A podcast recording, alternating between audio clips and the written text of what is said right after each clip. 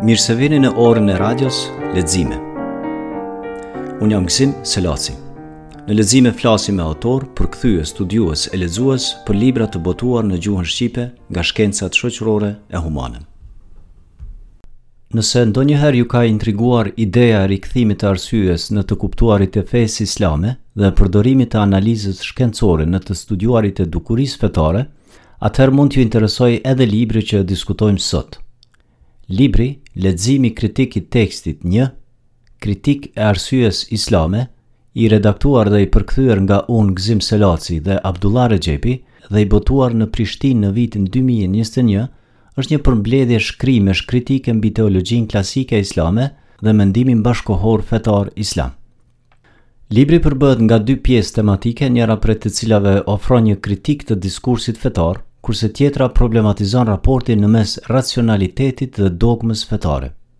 Libri është një antologji e një lëvizjeje bashkëkohore intelektuale në botën islame, që ngul këmbë në studimin kritik të fesë dhe përbëhet nga fragmente të përzgjedhura nga veprat e disa prej studiuesve më eminentë të islamologjisë bashkëkohore, Muhamed Arkunit, Muhamed al-Xhabirit, Nasr Abu Zeidit, Abdulkerim Surushit, Sadik al-Azmit dhe Mustafa Melekianit. Për të biseduar rreth këtij libri, na bashkohet Sead Zimeri, ligjërues i filozofisë në Universitetin e Tromsas, universitetin arktik në Norvegji. Mirë se vjen Sead. A i nevojitet fesë kritika? Po, Gëzim. Kritika i nevojitet jo vetëm fesë, i nevojitet çdo disipline akademike dhe madje edhe jo akademike, kritika i nevojitet vetë jetës. Uh, në një farë kuptimi, kritika është thelbi dhe mënyra se si sot, si qenje bashkëkohore që jetojmë në të në ambientin e shekullit 21, uh, kritika është mënyra e vetme ndoshta, kisha thënë, për të jetuar në atë formë që është në përputhshmëri me vetë statusin tonë si qenje morale. Dhe në këtë kuptim, kritika e fesë është absolutisht e rëndësishme, sidomos në hapësirat tona shqiptare, ku në një farë mënyre feja asnjëherë nuk është nuk është nënshtruar kritikës rigoroze, qoftë asaj shkencore, qoftë asaj filozofike, antropologjike dhe dhe formave tjera të kritikës të cilat ekzistojnë sot. Pasi që kritika do thot është aq e rëndësishme për njeriun në shekullin në të cilin jeton sot, feja në asnjë mënyrë nuk mund t'i largohet kritikës. Sepse çdo largim i fesë nga kritika ka pasoja negative për mënyrën se si jetojmë ne sot. Pasojat negative kam fjalën për shembull për mënyrën se si ne si qenie, si qenie me një integritet racional, me një integritet moral, do të duhej ta jetonim jetën. Dhe kur në gjithë këtë katrahurë, të them kështu, në gjithë këtë pashmangshmëri të gjitha formave të jetës, të cilat gërshetohen në, në individin që jeton sot.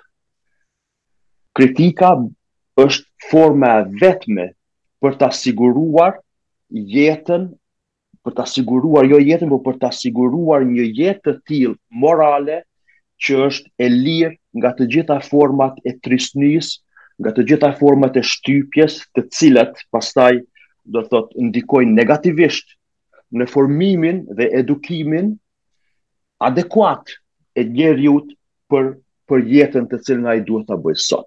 Kur largo, në fakt ne do të kthe, do të kthehemi, do ta bisedojmë këtë çështje edhe në mënyrë pak më detaje kur do të diskutojmë për për për përmbajtjen e këtij librit, ë por në një farë mënyre kur largohesh nga kritika, kur kritik, kur një pjesë aq e rëndësishme e jetës njeriut tërhiqet, largohet, mënjanohet nga format e kritikës moderne, qofshin shkencore ose ose ose epistemologjike ose filozofike ose etike, atëherë në një farë kuptime, kuptimi e bëjmë të pamundur të krijojmë njeriun të cilit i cili duhet të jetojë në shekullin 21. Prandaj është e domosdoshme kritika për fenë. Si është e mundshme, duke qenë se feja ka të bëjë edhe me të shejtën, me hyjnorën, si është e mundshme të kritikohet feja ose Çka kupton dhe çka nënkupton kritika e fesë? Çka nga feja mund të kritikohet dhe a ka, nëse po, cilat janë ato aspekte të fesë që nuk mund t'i nënshtrohen kritikës? Unë nuk besoj që ka një dimension i fesë i cili nuk mund t'i nënshtrohet kritikës, apo i cili një farë mënyre edhe duhet të mos i nënshtrohet kritikës. Nuk mundet për një arsye të vetme, dhe ajo është se feja është megjithatë një institucion historik, njerëzor, është një prodhim i njeriut.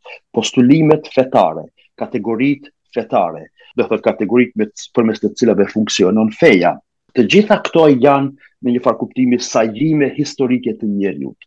Tash, edhe koncepti i absolutes, edhe koncepti i të shenjtës, edhe koncepti i Zotit, edhe koncepti i të gjithë të, i, i, i, i, i, i të dërguarit, i, i koncepti i zbulesës, vahjit, mhm. të gjitha këto janë në një farë mënyre koncepte historike, të cilat Vijnë në sipërfaqe, dalin në sipërfaqe, ekzistojnë për arsye se njeriu ka nevojë për një shpjegim pak më të thellë të botës ku ai jeton.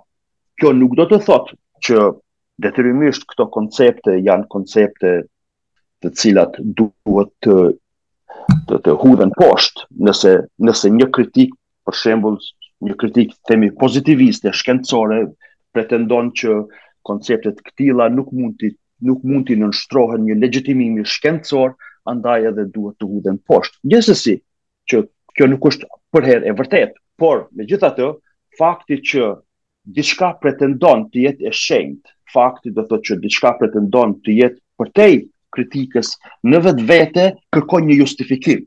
Dhe ky justifikim mund të bëhet vetëm do thotë nëse i nënshtrohet i nënshtrohet një lloj kritike të arsyes.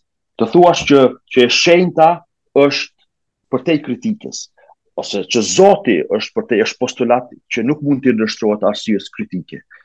Kërkon një lloj legjitimimi sepse mbi çfarë baze mund të të ta bëjmë këtë pohim. Cili është do thotë argumenti, cili është justifikimi për këtë pohim? Fakti që dikush një fe e pretendon e pohon këtë si një fakt të pakontestueshëm në vetvete nuk është arsye e mirë, nuk është arsye e qëndrueshme për ta larguar do të thotë një dimension të fesë nga qasja kritike. Dhe ka pasur, ka pasur tendenca të këtilla gjatë gjithë historisë për shembull për ta larguar të shenjtën nga kritika.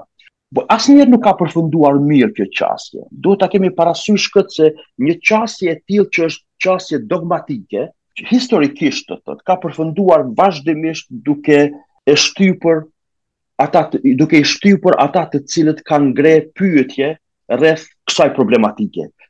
Se mbi çfarë baze duhet ne ta largojmë, ta izolojmë, do thotë një aspekt të fesë nga nga nga vështrimi kritik.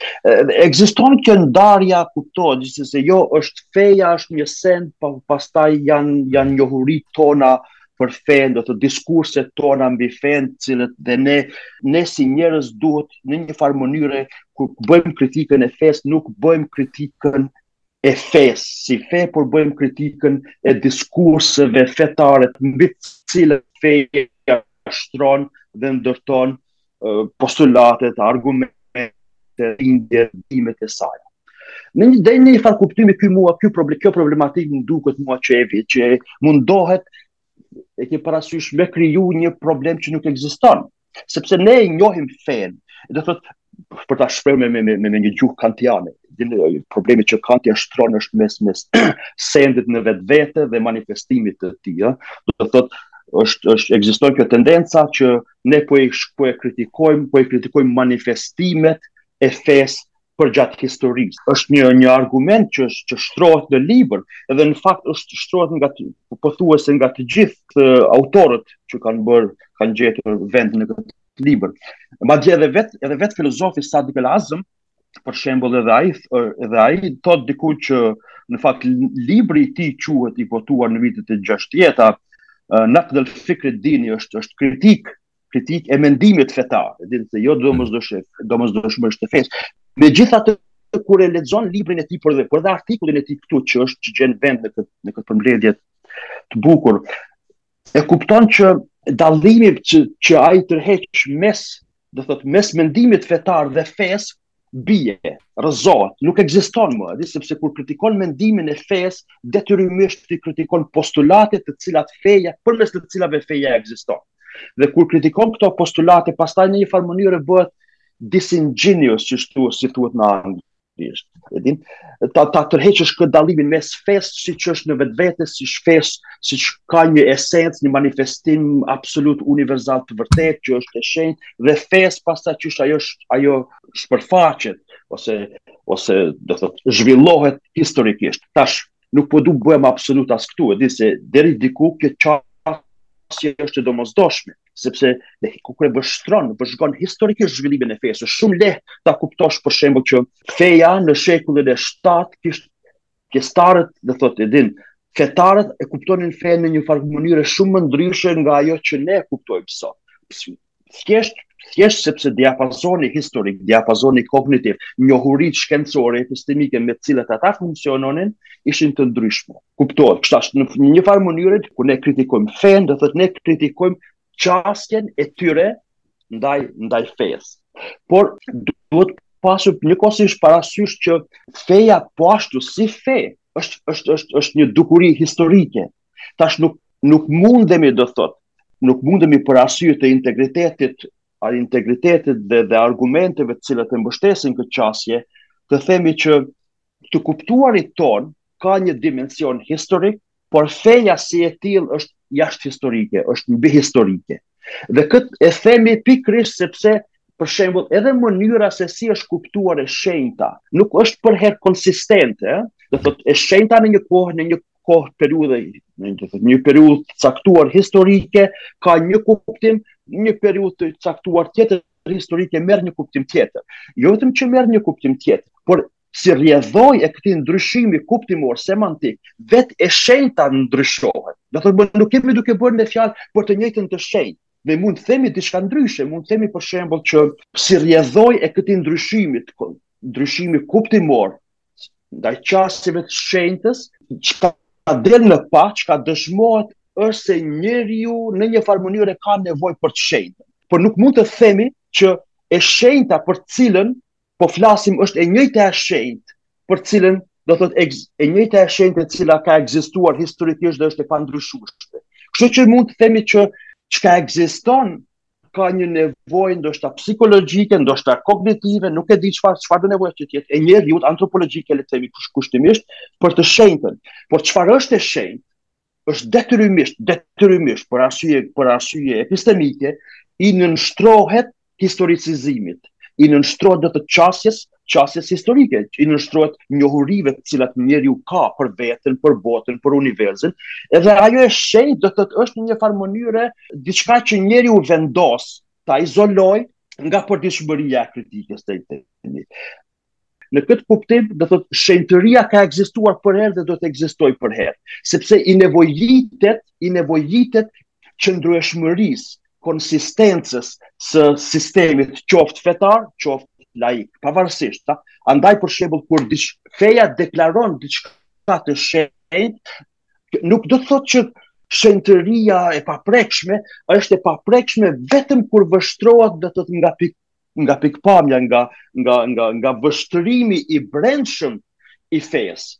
Jo që ka, jo që ka do të thotë një shenjtëri që që ekziston jashtë do të thotë jashtë si them jashtë mendimit fetar nuk nuk nuk do të thotë ky dallimi mes fesë dhe mendimit fetar është dallim fals është ta, është projektimi i mendimit fetar i një sistemi fetar që pastaj për me mund me ruajt konsistencën dhe qëndrueshmërinë e tij historike, por ndryshe nuk ekziston. Në këtë kuptim mendoj unë pra që shenjtëria është historike. Pikë së pari, Dhe çdo kufizim i saj, çdo ruajtje nga kritika i shërben vetëm sistemit ruajtjes së sistemit fetar. Libri përbën disa drejtime kritike të arsyes fetare islame, domethënë të teologjisë klasike islame dhe të mendimit bashkohor islam, cilën nga këto drejtime të kritikës kishe dasht me e veçu.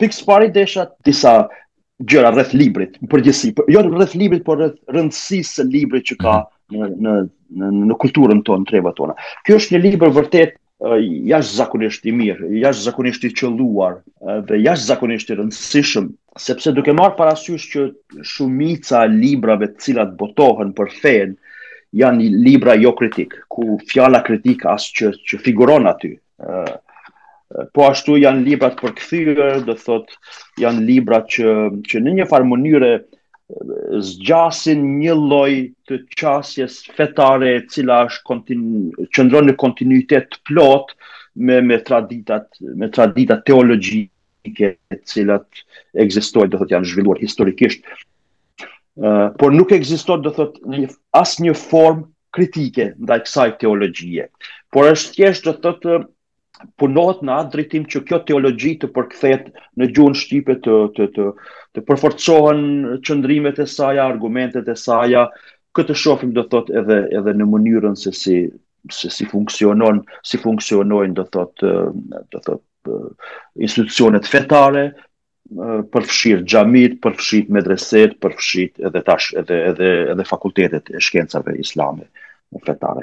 Ky libër prandaj është i rëndësishëm sepse ky hap një dritare tjetër, ë?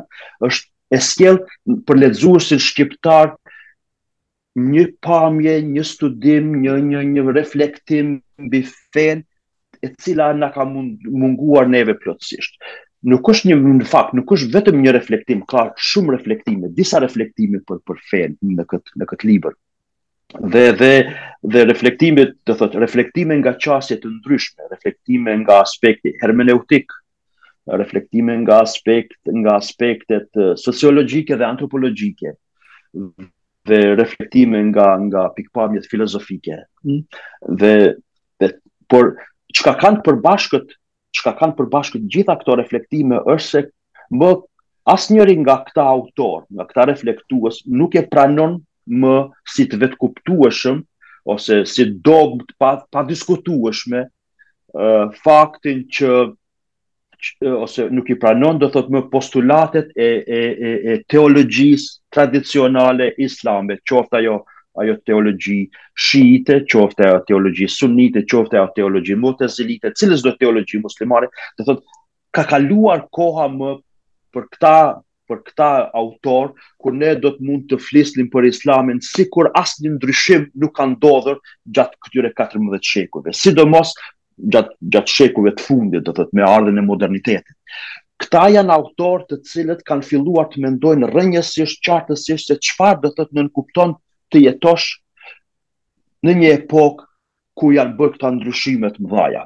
Dhe një nga autorët, që unë do ta veçoja, të flasim sot në këtë në këtë podcast, është sidomos është autori e, sirian, filozofi i madh sirian, do të thënë më i madh i arabëve, një nga më të mëdhenj botëror, uh, Sadik El Hasan. Sadik El Hasan sepse ai në mënyrë eksplicite e shtron pyetjen, do thotë e shtron pyetjen e pajtimit ose mospajtimit të fesë me shkencën, sidomos me metodologjitë shkencore. Dhe është një nga ato, mendoj që unë që është një nga ato shkrimet, një nga ato shkrimet që në një farë mënyre, jo vetëm që i kontribon, do thotë, kritikës së fesë, por është ka dhe disa dobi tjera që do t'i përmend shkarazi pse lexuesi shqip, shqiptar duhet të interesohet. Një nga ato është për shembull është që Sadik është Sadik El Azem është një filozof konsistent, është një filozof i logjikshëm. Në në artikullin do të në esenë këtu kultura shkencore dhe mjerimi i mendimit fetar. Uh, ju e sheh për shembull se ç'do të thotë të argumentosh në mënyrë filozofike, ç'do të thotë që ç'është qasja filozofike, a? Asnjë fjalë nuk është e tepërt në e tepërt në esenë e tij. Njëkohësisht bukuria e shkrimit të tij, thjeshtësia, qartësia e tij nuk buron nga fjalët përbërja vetëm do të thotë renditja e fjalëve, ti por buron nga nga nga fuqia e argumentit të tij. Thjeshtësia e diskursit të tij është thjeshtësia e argumentit përmes të cilëve do thotë ai qaset kësaj problematike. Dhe pyetja prandaj do të fokusohem te te Azmi sepse Azmi do thotë e shtron një problematikë që unë besoj ne ende nuk e kemi shtruar. Do thotë tash mos keqkuptohet. As të gjithë këta autorë këtu, Sadik El Azm, Mohamed Arkun, Nasr Hamid Ebu Zeid e të, e të tjerët Të gjithë këta shtrojnë problematikat të cilat ne në kulturën tonë ende nuk i kemi shtruar. Por problematika e, e Azmit është jashtëzakonisht interesante sepse ky e shtron problemin në mënyrën më të thukët, më të qartë të mundshme. Dhe është problemi, do thotë, i pajtimit i pajtimit të fesë, i pajtimit të të të fesë me sh, me, me shkencën. Ç'do të thotë në një farë mënyre, pyetja e tij është a mundet do thotë një person, a, qua, ky e quan personi X, do thotë ky e abstrahon nga çdo çdo element kulturor tjetër i cili e ka trashëguar islamin me tërë doktrinat, rrëfimet, mitet dhe përrallat e tij siç thotë El Azmi. si një pjesë, do thotë, thelbësore e formimit të tij intelektual dhe psikologjik. A mundet ky person pra të vazhdojë t'i pranojë doktrinat e trashëguara fetare, nëse ato janë të papajtueshme me bindjet e tij tjera të cilat i ka formuar? Pa e tradhtuar, tash po e citoj Azmin, pa e tradhtuar parimin e integritetit intelektual dhe pa e sakrifikuar unitetin dhe kohezionin e brendshëm të mendimeve të tij. Kjo është një pyetje jashtëzakonisht e rëndësishme.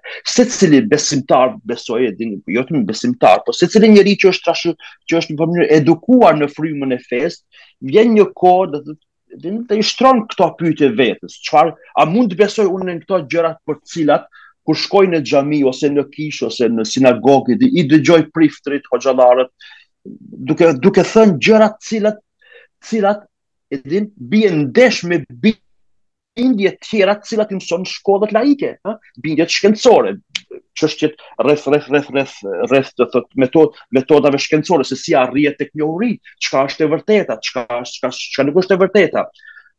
Kjo është problematika të cilën unë besoj ne si shoqëri duhet ta shtrojmë.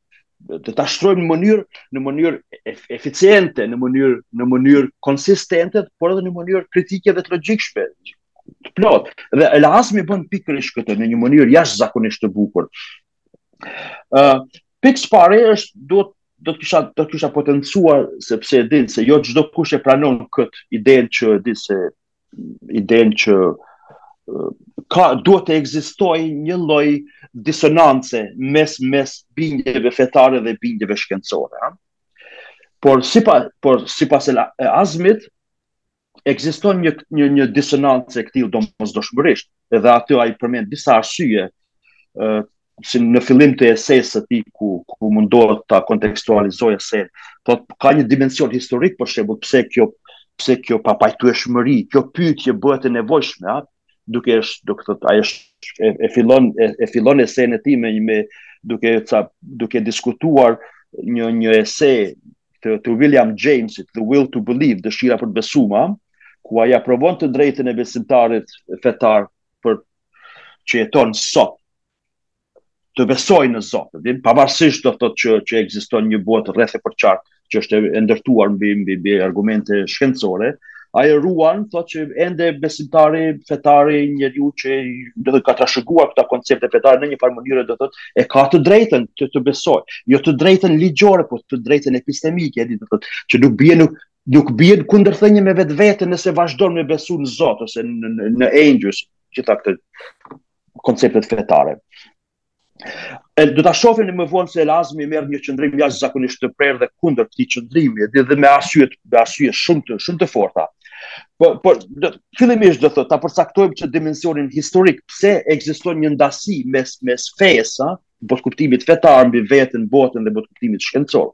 Dhe për për Elazmin janë pesë faktorë në fakt. Është faktori numër 1 që është lëvizja e Renesancës së shekullit 15, pastaj vjen revolucioni shkencor, pastaj vjen revolucioni industrial dhe dhe dhe dhe, dhe janë dy dhe ai veçon dy libra si jashtëzakonisht të rëndësishme që shkaktuan këtë çarje në në në në në vetëdijen e e e e, e besimtarit. Dhe ajo është libri i parë, është libri i Darwinit, i botuar vitin 1859, që quhet do të thotë mbi origjinën e llojeve. Dhe libri i dytë botuar pak më vonë se ai i Darwinit, është në vitin 1867 që është libri i Karl Marxit, Kapitali.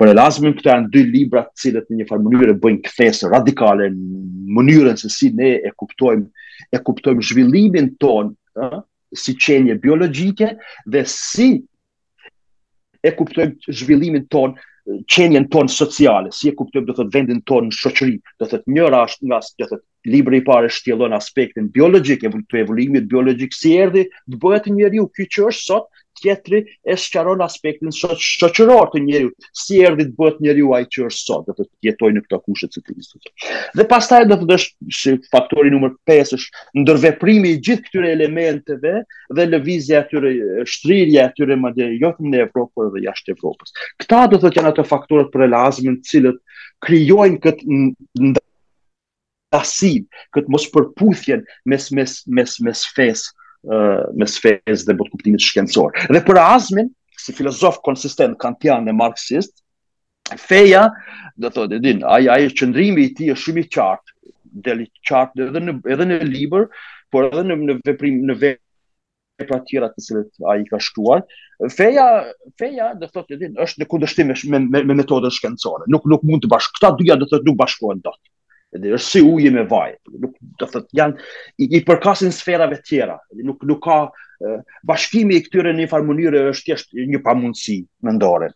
Sepse dhe ai çe për shembull dy tre dy dy dy tre pika që do t'i përmendi, është njëra është për shembull feja thotë el-Azmi Azm vazhdimisht e kthen shikimin e saj mbrapa tek tekstet e shenjta. Ëh? Vazhdimisht do të një besimtar edhe kur don me zgjidh një një problem jetësor, edhe ai nuk ai nuk inter, interesohet do të thotë për mënyrën se çka do të ishte e arsyeshme sot ose si duhet si duhet ta ndërthurim shkencën dhe metoda të tjera për zgjidhjen e atij problemi, por kthehet do të thotë në tekstet origjinale. Dhe si si rrjedhojë e këtij kthimi mbrapa në tekstet origjinale, ai vazhdimisht shikimi i tij mbetet mbrapa në traditë, kështu thotë el-Azm.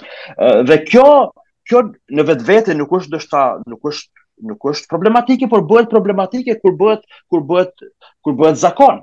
Hm? Sepse atëherë krijohen, krijohet teologjia, krijohet interpretimi dhe ky interpretim pastaj, pasi që ne pasi që është determinuar të kthehet vazhdimisht mbrapa, kjo shkon krijon këtë traditën e interpretimit, të interpretimit të interpretimeve, interpretimit të interpretimeve vazhdimisht duke krijuar kështu një traditë solide, gjithsesi, por një traditë që një traditë që nuk e lë individin fetarin do thotë të dalë jashtë kësaj lëvozhge, edhe ta ta, ta inkuadrojë shkencën do thotë në jetën e tij.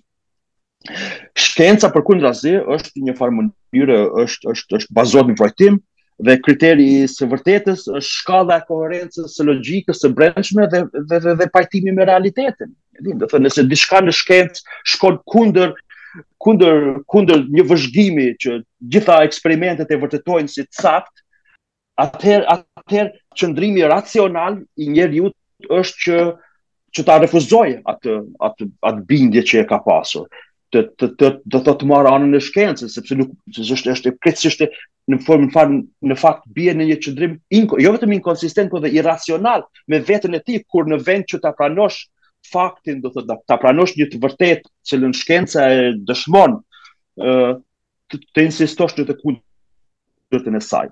Një problem tjetër i, i, i për el-Azmin është për shembull thotë që just se feja vazhdimisht vazhdon në justifikimin e status quo-s. Ajo herë bëhet aleat i feudalizmit, herë aleat i kapitalizmit, herë aleat i marksizmit, herë i, sociali, i socializmit, herë i ideologjive reakcionare. E ke parasysh, do thotë në çdo në çdo në Saudi sot në, ne kemi një një një një interpretim të fesë që është që është reakcionar deri në në në, në pafundësi, ë. Njëkohësisht kemi në vende tjera pak më liberale, më mënyra, qasje ndaj islamit, të cilat janë më liberale, madje madje madje edhe shumë liberale, e din, kështu që e sheh do thotë që feja në një farë mënyre i shërben status quo në një mënyrë jo të shëndetshme, se sepse edhe edhe shkenca mund t'i shërbejë status quo, edhe filozofia mund t'i shërbejë status quo-s, por por feja duke duke u munduar do thotë të, t'i arsyetojë të gjitha këto regjime, herë bëhet demokratike, herë socialiste, herë herë anarkike, humb vitalitetin, humb rëndësinë e saj si qasje kritike ndaj botës. Kjo është. Ëm uh, do thot, kjo është qëndrimi i el-Azmit kategorik, do thot, se feja dhe shkenca, feja dhe qasja shkencore nuk mund të të, të ekzistojë. Megjithatë, ai do thot në këtë tekst bën diçka të jashtëzakonshme. E suspendon këtë këtë gjykimin e tij, din, do thot se nuk do thot feja, feja i takon të kalumes, shkenca i takon të ardhmes, ose modernes, sot e suspendon këtë gjykim dhe thot po mirë, atëherë le t'i, le ta studiojmë le ta studiojmë do thot, le t'i studiojmë këta diskurset të cilat teologë, filozofë të tjerë, shkencëtarë, ku e di unë, i kanë sjellur për të dëshmuar se megjithatë feja mund të ekzistojë në një ambient të pastër, do thot në një ambient, në një ambient modern, ku, ku, ku, ku format e determinimit janë ato të njohjes, janë ato shkencore dhe jo ato mitologjike dhe përallore. Uh, Dhe ai do thot ofron tash diskuton disa disa nga ato zgjidhjet që që të tjerët i kanë ofruar për me zbut ose për me largu këtë kundërthënien që që ekziston mes fesë, mes fesë dhe dhe dhe, dhe metodës shkencore ose shkencës në përgjithësi. Uh, janë janë në fakt në në në në këtë vepër Azmi diskuton katër mënyra, katër zgjidhje që janë të ofruara. Secila nga këto zgjidhje kuptohet për al-Azmin ofron ofron diçka që mund të quhet një kuazi argument. Ë? Do thotë se Azmi nuk e se ja krejt problematika e shtrimit e kritikës së Azmit është se asnjëra nga këto zgjidhje në fakt nuk ofron argument të bindshëm se pse do thotë relacioni mes fesë dhe, dhe shkencës në modernitet janë të pajtueshëm. Asnjëra nga asnjëri nga këto zgjidhje, andaj dhe dhe dhe dhe dhe puna e artë, do thotë, metodologjia, vepra, kritika e Azmit është me me, me na tregu neve pse asnjëra nga këto forma nuk është e mjaftueshme, nuk është nuk është e mirë. Sead, në episodin e radhës ne do të vazhdojmë diskutimin e esesë Kultura shkencore dhe mjerimi i mendimit fetar të filozofit Sadik al-Azm që e nisëm këtu. Faleminderit që na u bashkove për të biseduar për librin Leximi kritik i tekstit 1, Kritikë e arsyes islame. Ora e Radios Lexime është një podcast që realizohet në bashkëpunim me Sbunker dhe Kuvendin e Sociologjisë. Këtë podcast mund ta dëgjoni në sbunker pikë net dhe në YouTube, si dhe mund ta ndiqni në iTunes, Spotify dhe Google Podcasts. Për sugjerime na shkruani në lexime at sbunker pikë net.